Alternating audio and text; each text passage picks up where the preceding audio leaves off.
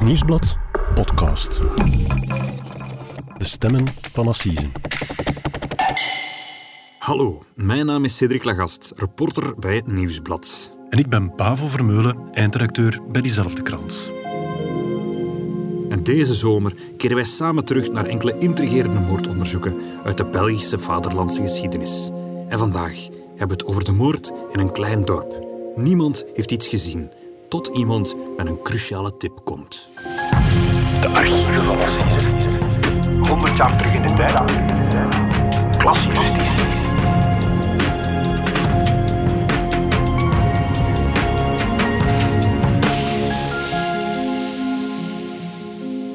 Cedric, we zitten hier nu voor de vierde keer deze zomer. Opnieuw heb je een dossier meegebracht over een 100 jaar oude moord. Wat dat doen we deze zomer? We zijn al in Brussel geweest, we zijn al in Antwerpen geweest en zelfs al tot in het Wilde Westen. Dat is echt een verhaal dat bij mij blijven hangen is. En vandaag, waar gaan we vandaag naartoe? Vandaag, Pavo, moeten we naar het kleine dorpje Noduwe. In Ja. Nederland heet dat Nodevoorde. Ik had er zelf nog nooit van gehoord. Het ligt pal op de taalgrens. Het ligt eigenlijk net aan, aan de Waalse kant, in Waals-Brabant eigenlijk. Maar het ligt tussen Tienen, Hoegaarden, Landen en Geldenaken. Als je daar een soort van driehoek rond trekt, dan ligt Noduwe eigenlijk gewoon in het midden. Ja, of hoe Vlaams kan een Waalsdorpje zijn? Voilà. En we moeten naar het Noduwe van het jaar 1903, net na de eeuwwisseling. Toen woonden er 878 mensen in Noduwe. Ja. Ik denk dat dat een klein dorp mag genoemd worden Ja, op dat zeker. moment. Het was een zelfstandig dorp, een landbouwersdorp uiteraard. Er staat een kerk in het midden, nu nog altijd. De Église Saint-Georges. Vandaag is er ook nog een, een klein dorpsschooltje bijgebouwd. En de E40 loopt daar nu langs, toen nog niet. Maar dat is het eigenlijk. Er valt eigenlijk niet veel meer te vertellen over Noduwe. Ja, maar je zou kunnen zeggen, oneerbiedig, een beetje een boerengat. Ja, een slaapdorp, laten we het Ja. zo noemen. Voilà. En in dat dorp werd in mei 1903 een vrouw vermoord. En we hebben al gezien dat eh, een moord in de stad dat heel veel mensen beroerde, dat dat veel mensen in de ban hield. Maar in zo'n klein dorpje als Nodewe is dat nog net iets anders. Dan, dan, staat, dan staat werkelijk het hele dorp op zijn kop en iedereen gaat mee op zoek naar de moordenaar. Een vreselijke misdaad heeft zojuist het vredige dorp Noduwe verstoord. Het slachtoffer is een vrouw die woont nabij de kerk. De moordenaars moeten met een beestachtige vreedheid bij haar thuis te werk zijn gegaan. Eerst hebben zij de vrouw gewurgd en terwijl een der schurken haar bij de keel hield, hebben de anderen haar voeten met een heel sterke koord gebonden. Dan hebben zij met dezelfde koord een haar handen vastgemaakt en zo hevig tegen de voeten getrokken dat haar knieën geheel gebogen staan. Dan hebben zij haar hand met een beddelaken gebonden. Daarna hebben zij haar onder een matras gestoken om haar geheel te versmachten. Cedric, vaste luisteraars weten dat jij hiervoor naar de Rijksarchieven bent gegaan en je hebt daar dossiers geraadpleegd die tot nu toe geheim gebleven zijn. Hè. Voor de eerste keer in 100 jaar ehm, heb je die mogen openen. En wat heb je deze keer allemaal bovengespit? Wat is vooral een onderzoek dat gebeurt door mensen te verhoren. Er zitten heel veel verhoren in. En het is, het is door de verhoren tegen elkaar af te toetsen dat de speurders uiteindelijk tot de dader proberen te komen. En wat vooral is opgevallen, dat, dat in het, werkelijk in dat dorp bijna iedereen ondervraagd wordt. Iedereen aan het dorp heeft er een mening over. Iedereen wil graag zeggen wat er op zijn lever ligt.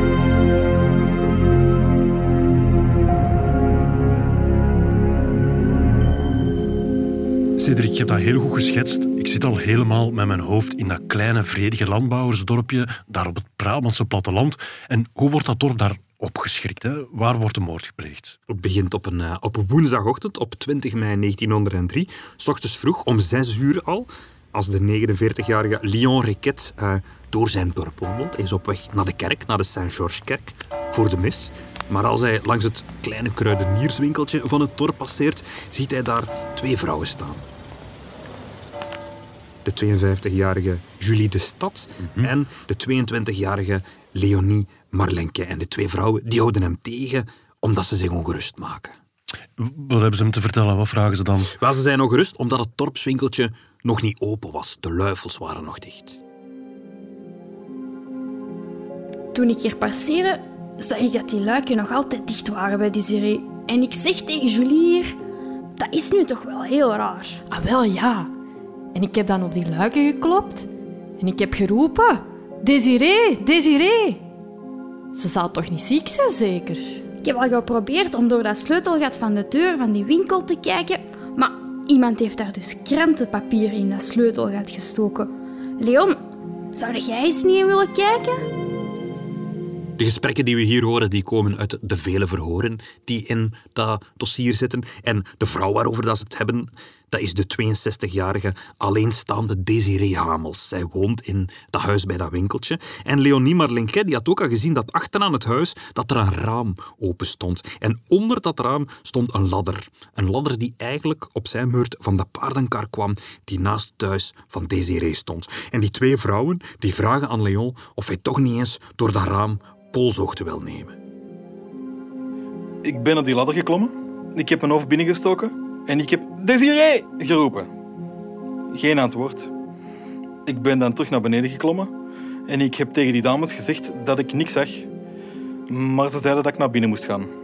Ik ben dan door het raam geklommen met Leonie. In de eerste kamer zagen we dat alles overop lag. De kast stond open en er lagen hopen papier op de vloer. En toen ik in de tweede kamer kwam, zag ik direct twee voeten uit het bed van Desiree steken. De matras en de dekens lagen op haar. Ik heb opnieuw geroepen, maar ze antwoordde niet. De vrouw is aan handen en voeten vastgebonden met lakens en een stuk touw en de wetsdokter zal later vaststellen dat Desiree Hamels gewurgd is. En er zit, zoals zo vaak, Bavo, een plannetje van het huis in het Ja. dossier. Een plannetje Dat heb je dat meegebracht. ik hier heb meegebracht. Het is niet ingekleurd deze keer. Nee, en Het ook is niet in- zo heel gedetailleerd, precies. niet heel gedateerd, maar je ziet wel, het is een breed huis, een een brede gevel eigenlijk. Ja. Het is, er is geen verdieping op. En in het midden is de voordeur. Ga je langs de voordeur naar binnen en ga je naar rechts, dan kom je in, in het winkeltje Ja, van deze magazijn staat erop. Ja. magazijn. Ga je in die gang naar links, dan kom je eigenlijk in het huis van die vrouw. En je ziet, van achter zijn twee slaapkamers. En in de kleinste slaapkamer, helemaal van achter, daar is een bed getekend. En op dat bed zie je zo'n vrouw, een beetje opgekruld in foetushouding Ah, liggen. dat had ik zelfs nog niet gezien, die vrouw. Eh, dus ze hebben er inderdaad op dat bed een profieltekening van een vrouw gemaakt.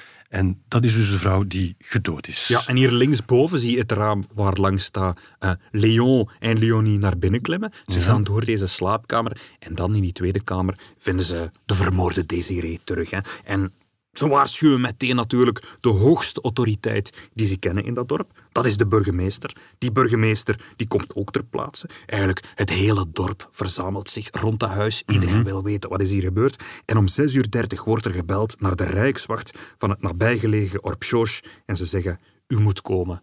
Er is een moord gepleegd.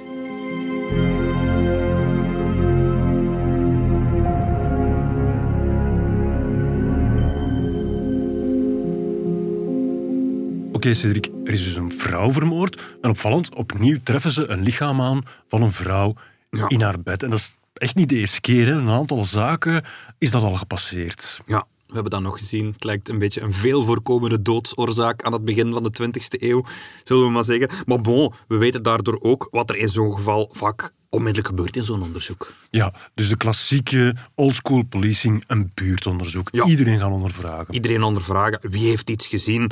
En dat levert in Noduwe eigenlijk heel weinig op. Want er, er is een vrouw die zegt dat ze die avond rond tien uur nog drie mannen voor haar huis heeft horen wandelen. En een van hen sprak Nederlands. Dat valt dan op.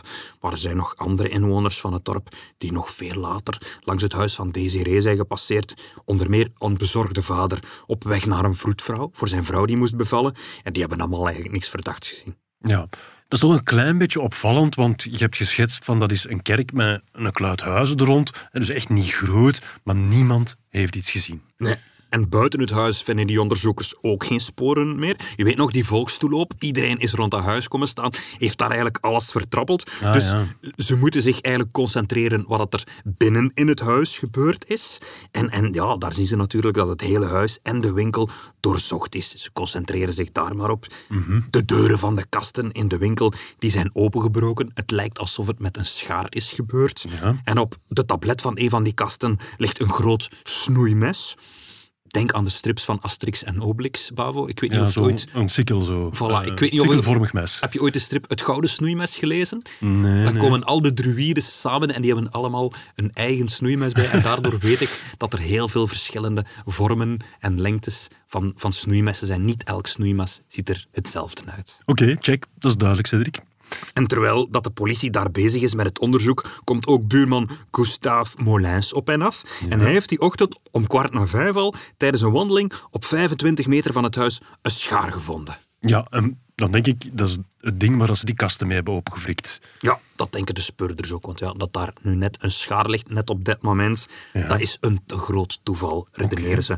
Maar bon, nog het snoeimes, nog die schaar zijn eigendom van Desiree Hamels. Want in die winkel werkt ook al 33 jaar lang de 59-jarige Gustave, een winkelbediende, een dame. En zij herkent die voorwerpen niet. Zij zegt, nee, dat is niet van ons. Dat, dat snoeimes, die schaar, die komt niet uit onze winkel. Nu, de speurders proberen ook in kaart te brengen wat er precies gestolen is uit het huis bij de roofmoord. Maar dat blijkt niet zo makkelijk. Want iets dat er niet meer is, hoe bewijs je dat dat er was? Ja. Ze rekenen daarvoor eigenlijk op Gustave. Maar die vrouw kan hen ook niet zoveel helpen. Ja, wat al een beetje vreemd is, want als je al zoveel jaren in die winkel werkt, zouden de inventaris moeten kennen van heel het winkeltje. Ja, maar blijkbaar niet over de financiën van het winkeltje. Want Desiree Hamels was blijkbaar nogal op zichzelf.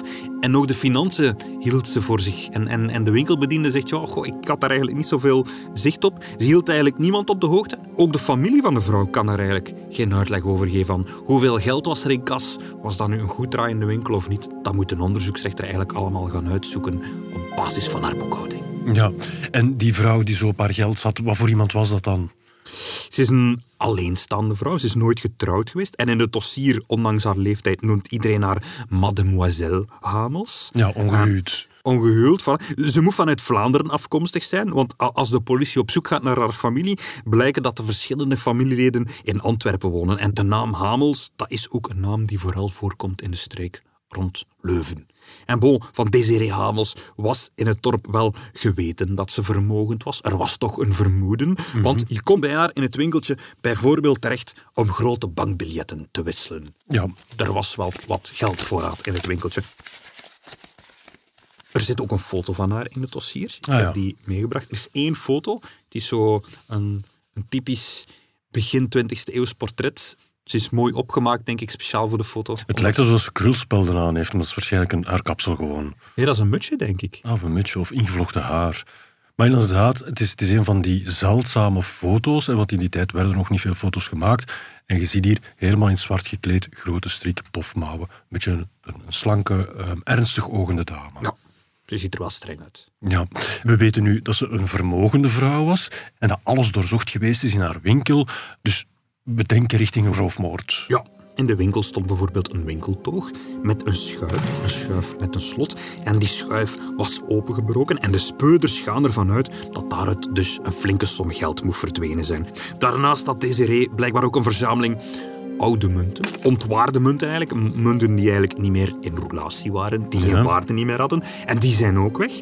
En de speurders gaan ervan uit dat de dief of de dieven die eigenlijk onwetend hebben meegenomen, dat die ervan uitgingen dat, dan, dat die wel nog gewaten hadden. Ja, En dan is er nog iets. Een familielid van Desiree die weet te vertellen dat haar vader enkele jaren eerder gestorven is en dat zij van hem een zilveren horloge had geërfd. Zo- Zo'n ronde horloge aan een lange ketting die je dan in je borstzak bewaart. ja zo'n zakhorloge. Een zakhorloge heet dat. En dat was van zilver, dat was ook waardevol en dat was ook weg.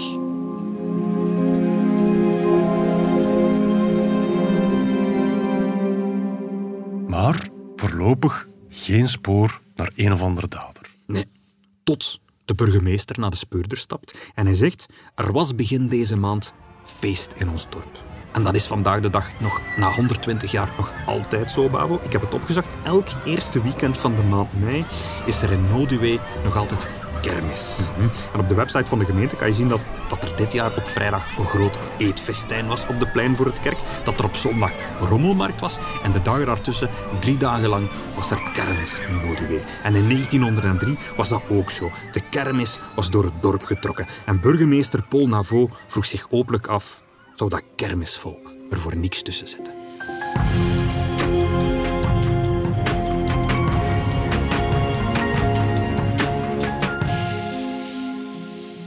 Cedric, ik recapituleer een beetje al. Er is een vrouw vermoord in een dorp en de burgemeester wijst onmiddellijk naar een groep kermisreizigers die een paar dagen eerder in zijn dorp geweest zijn. Ja. We kennen die mensen niet, zullen zij wel geweest zijn. Dat is de redenering die je maakt. Het is niet echt heel gastvrij, denk ik. Nee, nee, nee, dat is een beetje foute boel. Maar bon, de burgemeester is niet de enige die aan de kermis denkt. Want op de dag van de moord zelf al stuurt de Nijvelse onderzoeksrechter Georges van der Rijt meteen een telegram naar de Rijkswacht van Leuven om hen in te lichten over de moord. En met de vraag om uit te kijken naar verdachte personen. Ja. En hij somt daarbij een paar mensen op. Handelsreizigers, venters en des mensen die op de kermis werken. Dus hij zegt op dat moment ook al, kermisreizigers, die moeten we in de gaten houden. En de Rijkswacht, die moet hen tegenhouden. Die moet hen vragen naar hun alibi voor de nacht op 19 op 20 mei. En als ze geen alibi hebben, oppakken. Ja, En dat gebeurt eigenlijk ook. In Tienen bijvoorbeeld worden drie mannen opgepakt die die nacht op stap waren. En die niet meteen daardoor een alibi kunnen voorleggen. Ja. Maar bon, die worden opgepakt en al heel snel blijkt dat ze er niks mee te maken hebben, dat ze onschuldig zijn. En die worden weer vrijgelaten. ja we hebben dus nu ehm, twee instanties of twee mensen die wijzen van hey, die voorkramers daar, maar eigenlijk tot op dit moment nul bewijs daarvoor. Nee, maar het wordt wel onderzocht. En de bewuste groep kermisreizigers die begin mei in Noorduwe was, die zijn ondertussen doorgereisd. Ja. Die zitten op dit moment in Libertange. Dat is een, een, een ander klein dorp, een beetje verderop. En een kermis in 1900 Bavo, om een beetje te schetsen, dat was helemaal anders dan vandaag. Hè. Dat was veel kleinschaliger. En uit de verhoren weet ik bijvoorbeeld dat er een, een carousel stond, een draaimolen dus. Er was ook een klein circus. Een tent met een fotograaf. Dat was in die tijd nog een beetje exotisch. Je eigen foto laten nemen. En ook een winkeltje. Ja, ik zie het helemaal voor mij, echt zo'n beetje de sfeer van die reeks carnaval. Ja, goede referentie. Vaak was er in die tijd ook een worsteltent. Zo, zo'n man met een lange snor in een badpak die dan de sterkste man van een dorp eh, komt uitdagen. Een waarzegger. En er stonden ook heel vaak volksspelen. En, Ja. en natuurlijk eten en drinken kon je daar kopen. Ja, de kermis, dat was voor de inwoners van zo'n dorp het hoogtepunt van het jaar. Dat was waar ze al wekenlang naar uitkeken elk Ja. jaar. En die forains zelf, die, die kwamen daar goed geld verdienen meestal. En die bleven ook ter plaatse. Die, die woonden in een soort van barakken die ze opstelden rond de kermis. Een beetje de voorlopers van de woonwagens eigenlijk. Ja, en dus dat kermisvolk dat gepasseerd was in het dorp van de moord zit nu één dorp verder. En ik vermoed dat de speurders dan tot daar gaan om te gaan onderzoeken van, hè, zit, zit de moordenaar hier ook tussen? Hoe gaan ze daar te werk? Wel, ze gaan naar dat kermiskamp.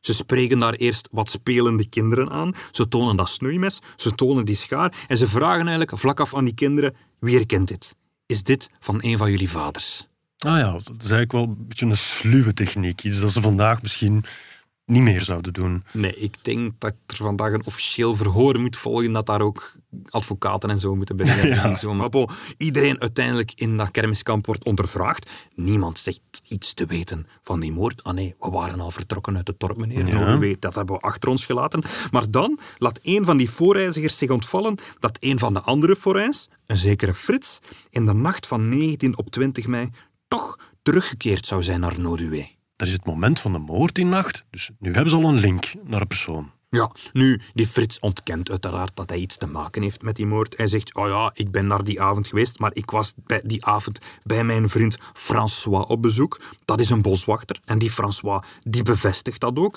En als de Rijkswacht aan de kinderen van Frits het snoeimes toont, dan halen die hun schouders op en dan zeggen die kinderen, nee, dat is niet van onze vader. Ja, dus Frits schrappen naar de volgende. Ja, in het hoofd van de speurders is op dat moment toch een zaadje geplant. En ze gaan die Frits de komende dagen toch nog van nabij willen bestuderen.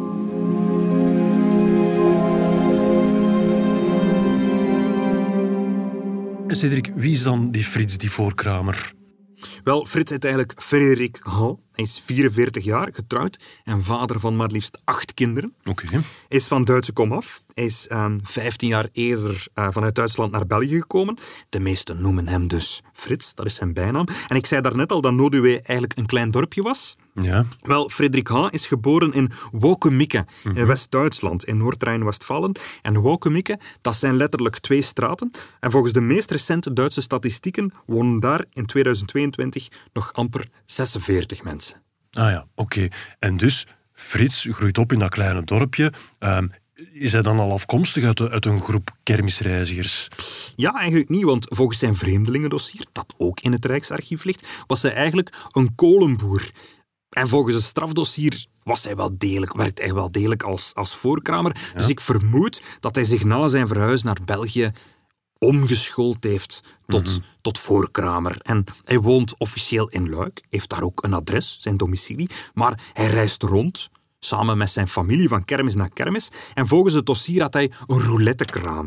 Ik, Ah, ja. ik denk dat dat dan zo'n gokspel is met zo'n zo'n wiel, zo'n Ja. schijf met zwarte en rode vakjes. En daar wordt dan zo'n balletje opgegooid. En Zoals in het casino. Voilà, zoals in de casino. Voilà. En erg winstgevend was het blijkbaar niet, want veel getuigen zeggen dat hij en zijn gezin eigenlijk in armoede leefden. Ja, en je zegt dat hij de aandacht van de speurders heeft, maar op dit moment is er eigenlijk heel weinig dat echt naar hem wijst, want hij heeft een alibi. Hè. Zijn vriend de boswachter heeft gezegd, hij zat bij mij toen. Ja, ik, ik, denk dat we hier ook een beetje de tot de rode draad van onze reeks komen, namelijk het element klassejustitie. Ja. We hebben dat eigenlijk ook gezien ehm, vorig jaar in onze reeks, ehm, toen we het hadden over het mysterie van, van Overlay. Toen Ja. was er een baby vermist. Ook de allereersten die toen verdacht waren, dat waren ook de mensen van de kermis. Er was toen ook kermis Ah, ja. in Overlay, die waren ook verdacht. Dat is hier ook, het feit dat hij een voorkramer was, dat heeft toch wel een beetje meegespeeld. Want voorreizigers die hadden ja, een slechte reputatie, zullen we maar zeggen, in die tijd. Daardoor worden ze verdacht. En ook daardoor houden de speurders zich niet echt in om ze aan de tand te voelen. Ja. Om een voorbeeld nog te geven, Bavo. Van verdachten wordt in het strafdossier ook een soort van infofiche bijgehouden. Daarin wordt dan genoteerd waar en wanneer dat iemand geboren is, wie de ouders zijn, of hij vermogend is enzovoort. Maar ook tot welke sociale klasse iemand behoort. Er is keuze uit klas superieur, Ja. de hogere klasse, klas moyenne, de middenklasse. Maar een voorkamer werd meteen in de klas inferieur ingedeeld, de lagere klasse. Ah ja, dat was vroeger echt een soort van, op juridisch vlak, dan een soort van kastensysteem. Ja. eh. En dat is voorlopig het enige moment dat meespeelt van, hij is van arme komaf, hij is een voorkramer, we zullen hem maar eens in de gaten houden. Ja, er is ook nog zijn strafblad, waardoor dat de politie eigenlijk redelijk wat aandacht voor hem krijgt, denk ik. Veel later zal blijken dat Frederik H. ook in Duitsland al een stevig strafblad had. Ah, ja. Maar op dit moment weten ze enkel nog wat hij in, in België mispeuterd heeft. En ze zien dat hij in 1892, tien jaar eerder, in Luik al veroordeeld is tot drie maanden cel wegens diefstal. Is veroordeeld voor de diefstal van 70 frank en een paar oorringen, nadat hij ingebroken had in het huis van een dame met behulp van een ladder.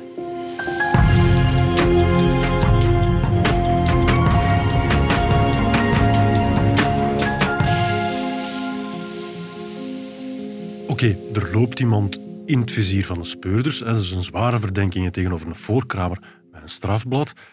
Als je echt kritisch kijkt, is het allemaal nogal circumstantial. Hij heeft ooit een diefstal gepleegd en er kwam ook een ladder aan te pas. Ja, er zijn weinig harde bewijzen, Bavo. Ja. Maar dat verandert toch al een klein beetje na enkele dagen als die ene kermisman die eerder al zei dat hij naar Noduwe was teruggekeerd, als die opnieuw naar de politie stapt en hij zegt dat ze ook eens met zijn broer moeten gaan praten. De 19-jarige Jean-Louis Delvaux. Ook een voorkramer.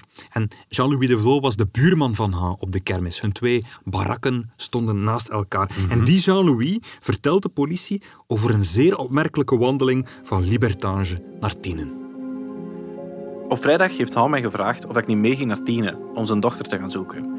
En onderweg zei Frits plots: Ja, ik ga mijn horloge eens aan mijn gilet vasthaken. En die haalde toen zijn horloge uit zijn zakje van zijn gilet en hij haakte die vast. Ik vroeg hem toen hoe laat het was, maar hij zei dat zijn horloge nog niet ingesteld was. Het was zeker van zilver en het was al een beetje gebruikt. Ja, ik vond dat raar, want ten 18e had ik hem ook al eens gevraagd hoe laat het was en hij zei toen dat hij geen horloge had. Ah, dus Frederik Han had bovendien in de dagen na de moord plots een horloge en laat dat nu net een van de dingen zijn die verdwenen zijn in het winkeltje. Maar dat is niet het enige dat hem van die wandeling is bijgebleven. Ik heb hem onderweg ook nog naar zijn snoeimes gevraagd. Hij voelde op zijn zakken en zei: Ja, ik heb het niet bij me. Het zijn waarschijnlijk mijn kinderen die ermee gespeeld hebben en die het verloren zijn in een barak. Ja, daarvoor had hij zeker een snoeimes, zo'n oud exemplaar. Onderweg zijn we even gestopt aan een estaminet L'Ancienne Réponde om een klein pintje te drinken. Hou heeft aan de bazin een muntstuk van 20 centiem gegeven om te wisselen, maar die madame die heeft dat geweigerd en hij heeft er een ander muntstuk boven gehaald. Hij heeft mij ook nog gezegd: Ik heb veel geld op zak. Hij heeft mij toen zijn portemonnee getoond. En effectief, dat zat vol met stukken van 1 en 2 frank. Nu dat ik dat hoor, van dat muntstuk dat geweigerd wordt op café, moet ik denken uiteraard aan die ontwaarde munten die verdwenen zijn in de kruidenierszaak. Ja, dat zou zo'n munt kunnen zijn. Dat is ook wat de speurders op dat moment denken. Ja, en bovendien, zijn snoeimes is weg. Het is een man die in armoede leeft en plots een zilveren horloge heeft. En het aspect van die ladder. Dus dat, dat begint echt aan te dikken. Ja, dat zijn veel aanwijzingen. En als ze Jean-Louis het snoeimes tonen dat bij Desiree Hamels gevonden is, zegt Jean-Louis: Ik ben zeker dat dat het snoeimes is dat Han bij zich had.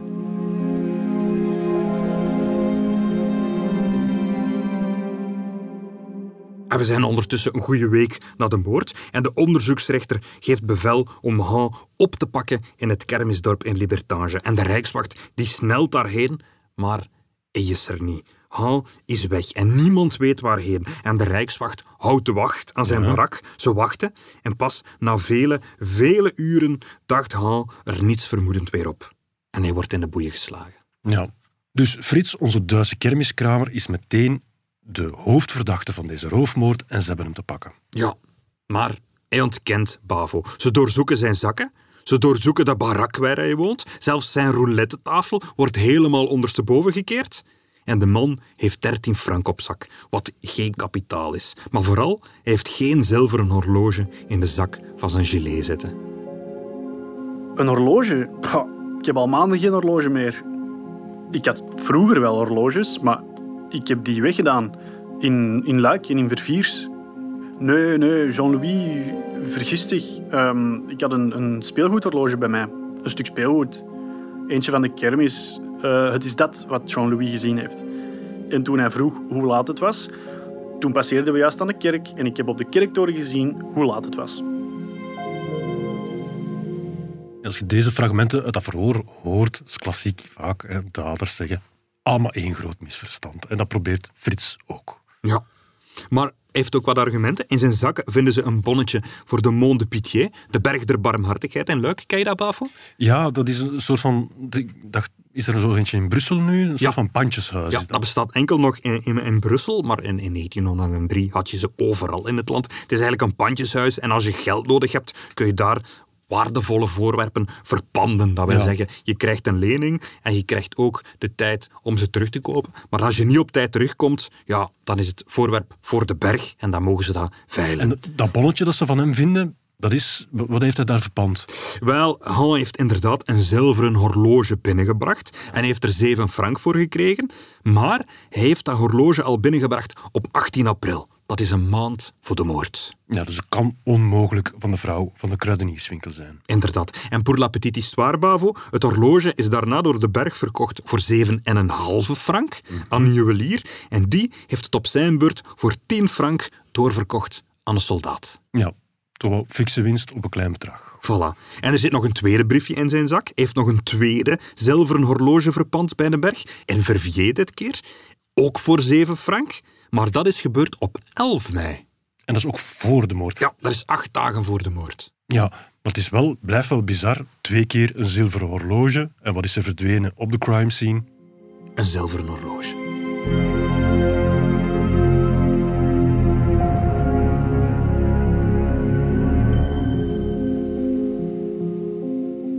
Tijd om even samen te vatten, denk ik, Cedric. De speurders hebben een hoofdverdachte voor de moord. Een man met een bedenkelijke reputatie. En een strafblad. En een voorkeur voor zilveren horloges bovendien. Ja. En ze hebben een getuige die hem aan de buit linkt. Die gestolen is bij de roofmoord op Desiree Hamels. Ja.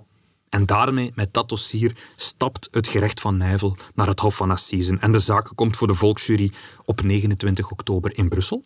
Het is een Franstalig proces. En opvallend, Bavo, Frederik Haan is Duitsstalig. Hij krijgt dus een tolk, maar hij krijgt geen tolk Duits, maar een tolk Nederlands. Want, zo redeneert de Franstalige rechtbank, Vlaams, dat zal hij wel wat beter verstaan dan Frans. Het is Ja. dan wel geen Duits. En neem ons eens mee naar de assisezaal, Cedric. Wel, in de krant staat dat Frederik Haan borstelig haar heeft, een rosse snor en, wat in zijn nadeel speelt uiteraard, een echt bandietengezicht. Dus meneer Haan, in mei is juffrouw Hamels vermoord in Oduwe. Men beschuldigt u ervan de dader van de moord te zijn. Ik heb dat horen zeggen, ja. Gij ontkent. Volstrekt. Je zou nogthans tegen een getuige gezegd hebben... Als ik iemand ken die 300 frank had, hij zou niet lang rondlopen. Nee, dat is niet waar. Je hebt slechte papieren, hè, meneer An. Je bent in België al veroordeeld voor diefstal.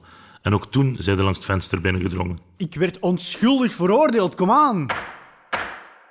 De Forain blijft ontkennen dat hij ook maar iets met deze zaak te maken heeft. Ja, hij vertelt in de rechtszaal dat hij te arm was voor een echt horloge. Hij kon zich dat niet veroorloven. En daarom had hij een echte ketting aan zijn gilet hangen met daaraan een speelgoedhorloge. En om de mensen te doen geloven dat hij een horloge had, zou hij dat ding af en toe eens hebben vastgepakt.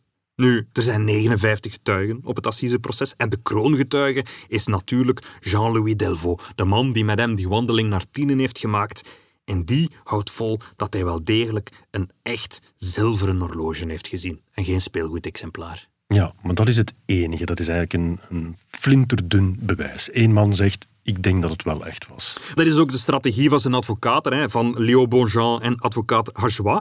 Ze hameren erop dat er eigenlijk maar twee mensen zijn die beweren dat ze een horloge gezien hebben. Naast Delvaux is er nog een andere man die hen onderweg op de wandeling naar Tienen is tegengekomen en die gevraagd heeft hoe laat het was en Han zou daarop zijn horloge hebben bovengehaald. Voilà. Verder is er nog de cafébazin, die denkt dat ze het horloge heeft horen tikken in zijn zak, Ja. maar die het niet gezien heeft. En dan is er nog het snoeimes, maar daarvan zeggen ze, er zijn zoveel snoeimessen. En alle snoeimessen die gelijken op elkaar. En ze pleiten zes uur lang, Bavo, en in de krant staat dat ze dan uitgeput neerzakken op de bank, want ze hebben alles gegeven.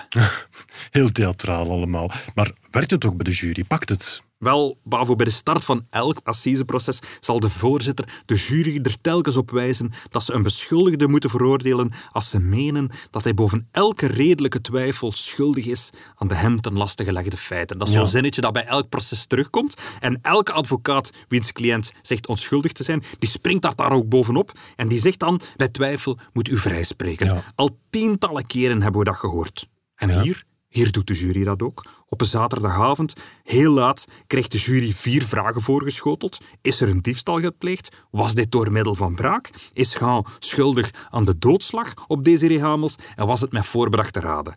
En op al die vragen antwoordt de jury nee.